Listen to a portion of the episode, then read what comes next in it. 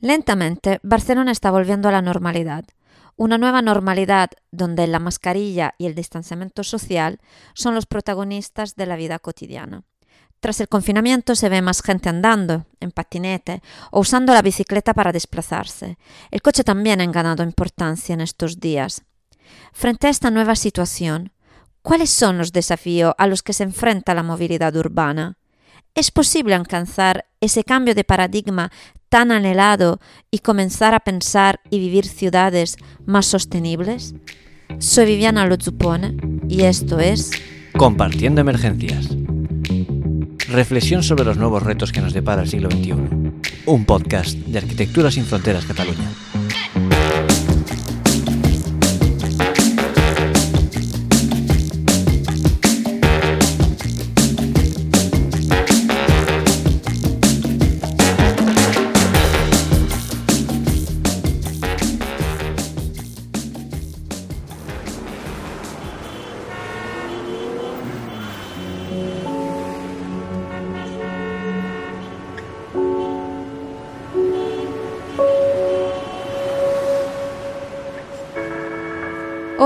Hablaremos con Silvia Casorran, coordinadora técnica en la red de ciudades por las bicicletas y en el área metropolitana de Barcelona, sobre la actualidad del transporte y la movilidad frente a la pandemia.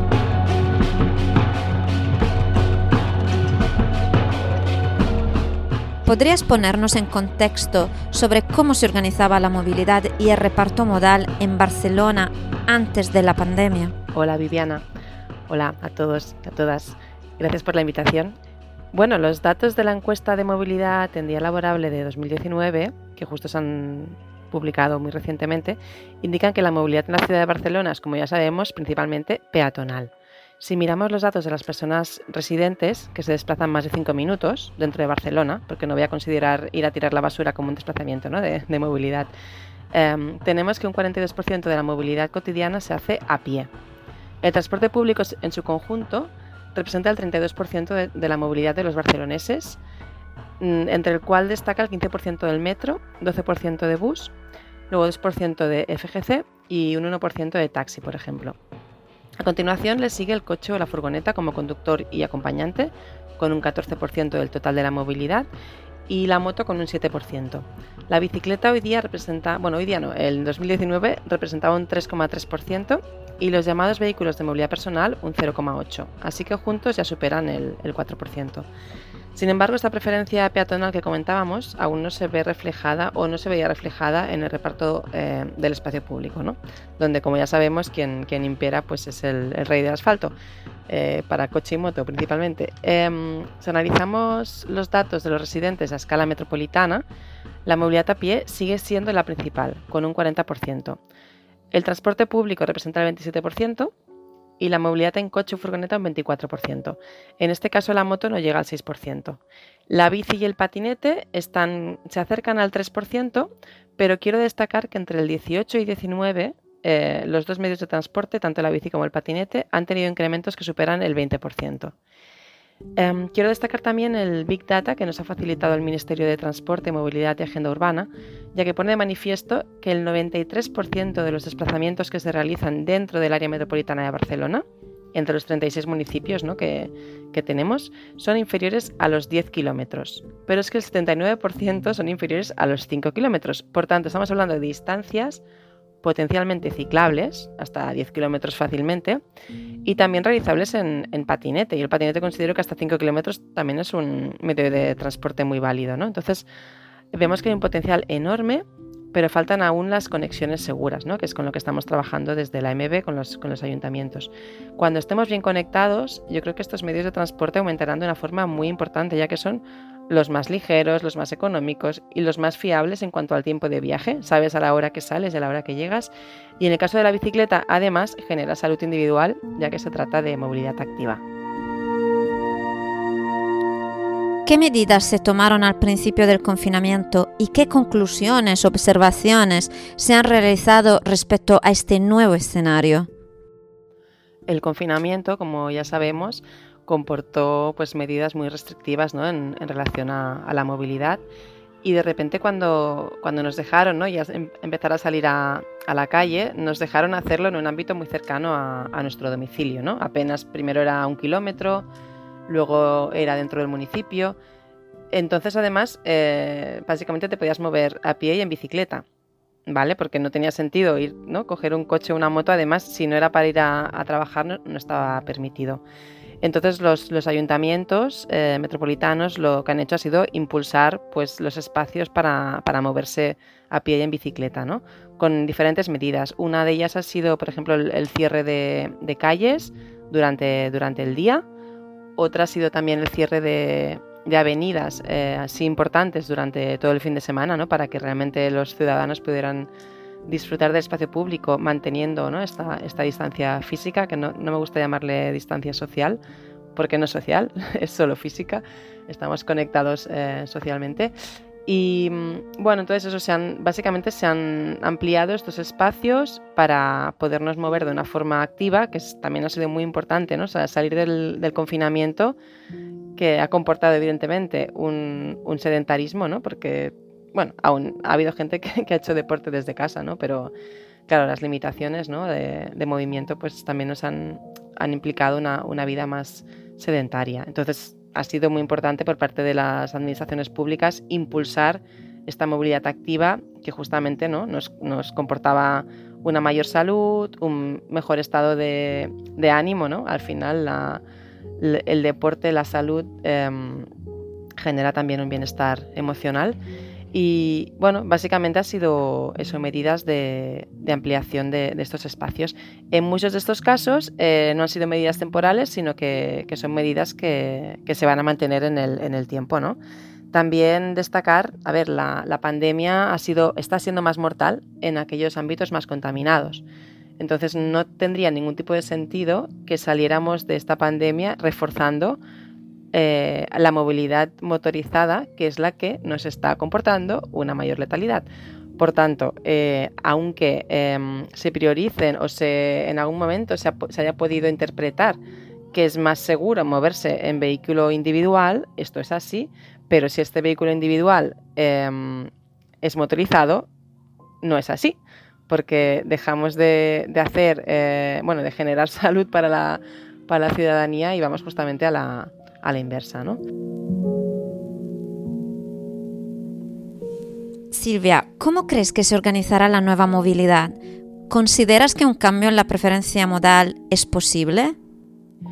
Pues la nueva movilidad, que es la que de hecho ya, ya estamos viviendo, tiene pinta de que va a ser una movilidad más activa, más, más sana, gracias a la pandemia, ¿no? si es que ha traído algo positivo, es que nos hemos dado cuenta ¿no? que movernos a, pie y en bicicleta y hasta en patinete es algo muy posible ¿no? en, nuestras ciudades. Sí que, como comentaba, ¿no? nos, siguen faltando em, infraestructuras seguras en, muchas conexiones, nos sigue faltando pacificar las ciudades, pero bueno, nos hemos dado cuenta que son los medios seguramente más, más fiables, más seguros y, creo que sí, que, realmente va a, haber un, va a haber un cambio modal. De hecho, ya lo estamos viendo, ¿no? O sea, durante el desconfinamiento ya estamos viendo que, por ejemplo, el uso de la bicicleta en los contadores que, tenemos en el ámbito metropolitano, en los días de laborables se están registrando datos del doble, ¿no? De antes de la pandemia de, usos y en días festivos incluso el, triple, ¿no? O sea, la gente está usando más la bicicleta por, por ocio, pero también para ir a, trabajar, ¿no? Bueno, creemos que eso, si algo bueno puede traer la pandemia, puede ser este, este cambio ¿no? en el reparto modal. Porque, bueno, es una, es una emergencia sanitaria que nos está alertando ¿no? de, de, muchos bueno, de muchas, muchos problemas que tenemos en las ciudades, pero es que la emergencia de verdad es la emergencia climática, o sea, la de verdad, esta también es de verdad, evidentemente, ¿eh? pero la que realmente nos debería preocupar es esta que no tiene vacuna, ¿no? que es la, emergencia climática. Y en este sentido, para mí esta emergencia sanitaria ha sido un simulacro, ¿no? O sea, ha sido un simulacro, un simulacro de lo que nos puede pasar, de lo que nos va a pasar si no actuamos ya. Y el vector movilidad es esencial, ¿no? En, en la lucha contra la emergencia climática. ¿Qué medidas y propuestas se plantea AMB para fomentar el uso del transporte colectivo frente a la sensación de seguridad que da el transporte individual convencional? Desde el área metropolitana de Barcelona hemos trabajado conjuntamente con los municipios para elaborar un, documento, ¿no? un, plan de medidas eh, anti-COVID, digamos, y bueno, básicamente sí que consisten en, fomentar eh, el uso del, transporte público y del transporte y de la movilidad activa. Y, por ejemplo, estamos trabajando en, carriles bus, en prioridad semafórica también a buses y en hacer dobles paradas. Todo esto para conseguir un transporte público más regular, ¿no? o sea, con una frecuencia más estable y evitar concentraciones de usuarios tanto en las paradas como a bordo de los vehículos. ¿no? Por otro lado, estamos trabajando para completar la red eh, Bicivía. Ahora mismo estamos trabajando con unos cuantos kilómetros con los ayuntamientos que, esperamos ver em, hechos realidad pues, durante este año, a ser posible, y bueno, si no, lo más pronto posible. Em, y es eso que comentábamos, ¿no? O sea, como nos faltan estas conexiones eh, metropolitanas para desplazarnos eh, en bicicleta, a pie también y, en patinete, eh, hoy día quizás hay barreras que no, que no podemos superar, pero una vez tengamos esta red, la gente ya se animará. Es que la, la gente nos, nos, lo pide. Es que mm, la conexión, por ejemplo, que hicimos entre Barcelona y, y Esplugas, em, bueno, tiene una, una afluencia de, de, paseo y de movilidad eh, altísima. Y esta, esta conexión no existió durante 50 años ¿no? por culpa de, de las rondas y de las autovías ¿no? que, que, se crearon cortando lo que es eh, la relación entre Barcelona y los municipios del sur. ¿no? Una vez esté superado esto, eh, seguro que, mucha más gente se, animará. Por otro lado, también estamos trabajando en, ampliación de, las calles 30, digamos, o sea, de pacificar realmente la trama urbana de la ciudad, justamente para que bicicletas y, patinetes puedan circular de forma segura y también justamente para que si hay un accidente, pues no sea tan grave, ¿no? Y bueno, eso es un, es un trabajo muy interesante, es un reto que tenemos pendiente. Es algo que en principio muchas calles ya están señalizadas como 30, pero ahora también tenemos que ocuparnos ¿no? de, y preocuparnos de, que estas velocidades se, cumplan. También tenemos en marcha subvenciones que van a salir durante este año, algunas en julio, otras en septiembre, otras a finales de año, para promover el tema de la ciclologística, para también promover carriles bici junto con los ayuntamientos, para la compra de bicis eléctricas, que estas saldrán a, final de año con 250 euros de, descuento. Y luego también estamos volviendo a, impulsar el, programa Bici Empresa, que es para, bueno, para que las empresas impulsen el, uso de la bicicleta dentro de, con sus trabajadores y por el cual prestamos bicicletas eléctricas durante seis meses para que los trabajadores puedan probar. ¿no? O sea, el lema es deja el coche en casa, ¿no? bájate, bájate del coche y, y súbete a la bici. Y ya lo, ya lo trabajamos durante el 18 y 19 y ahora lo, volvemos a, impulsar. Son medidas pequeñitas, pero que creemos que, ayudan mucho en el, cambio modal. Y luego también estamos impulsando nuevos servicios de movilidad compartida conjuntamente con el Ayuntamiento de, Barcelona, entre otras medidas. ¿eh? O sea, y de hecho, la gracia es que nosotros desde el ámbito de movilidad ya estábamos trabajando con, todo esto. ¿no? O sea, esto es, en la situación COVID nos está sirviendo para acelerar estas medidas, ¿no? pero con todo ello, digamos que ya lo veníamos trabajando, ahora estamos intentando eh, llevarlas a cabo lo, antes posible. Para finalizar, en tu opinión, sobre la base de esta experiencia excepcional que hemos vivido, ¿cómo crees que se desarrollarán las ciudades del futuro? ¿Cómo imaginas además que será la recepción y adaptación de la ciudadanía a estos cambios?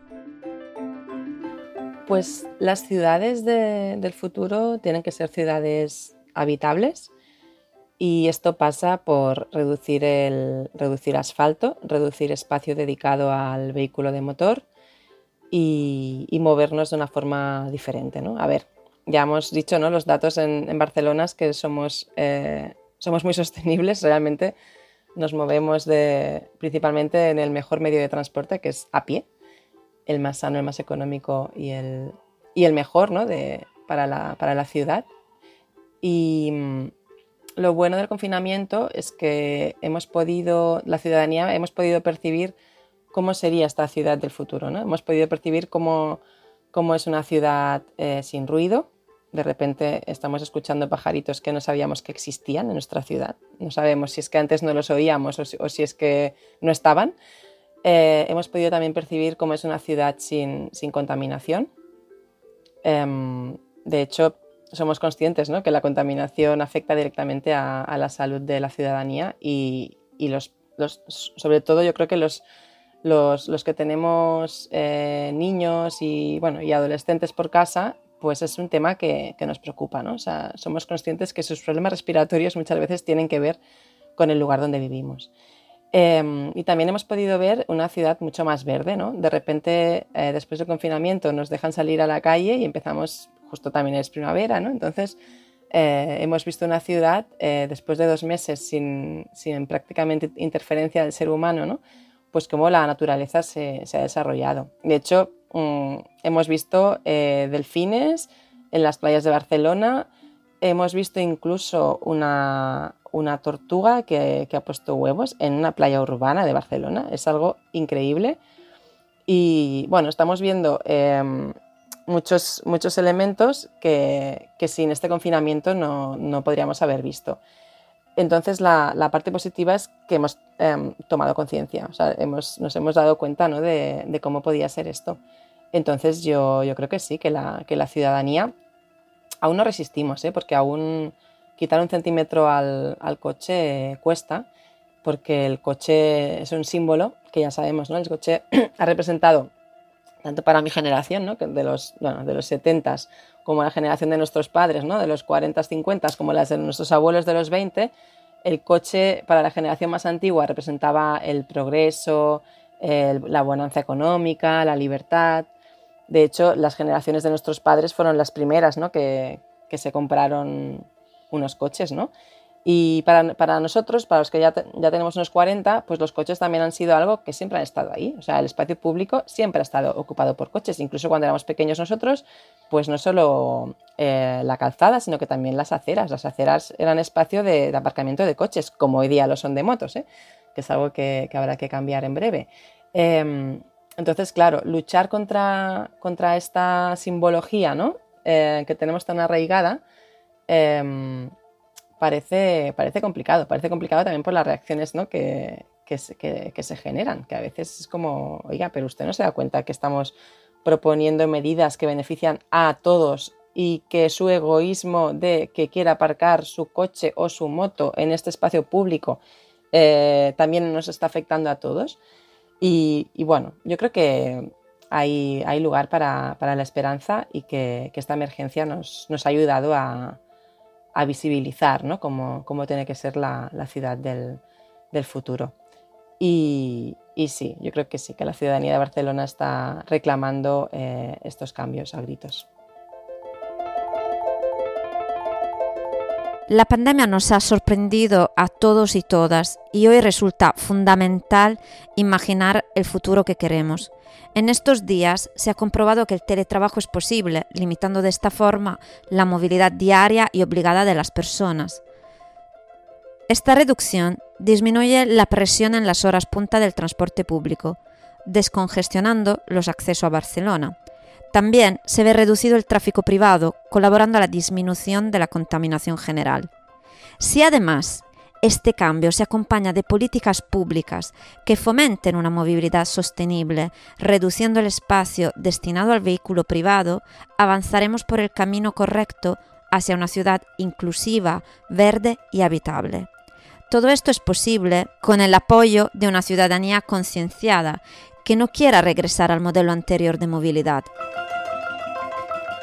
Gracias Silvia por tu colaboración en este episodio. Pues muchas gracias por compartir este, este ratito y nada, estoy a su disposición para lo que gusten. Hasta pronto.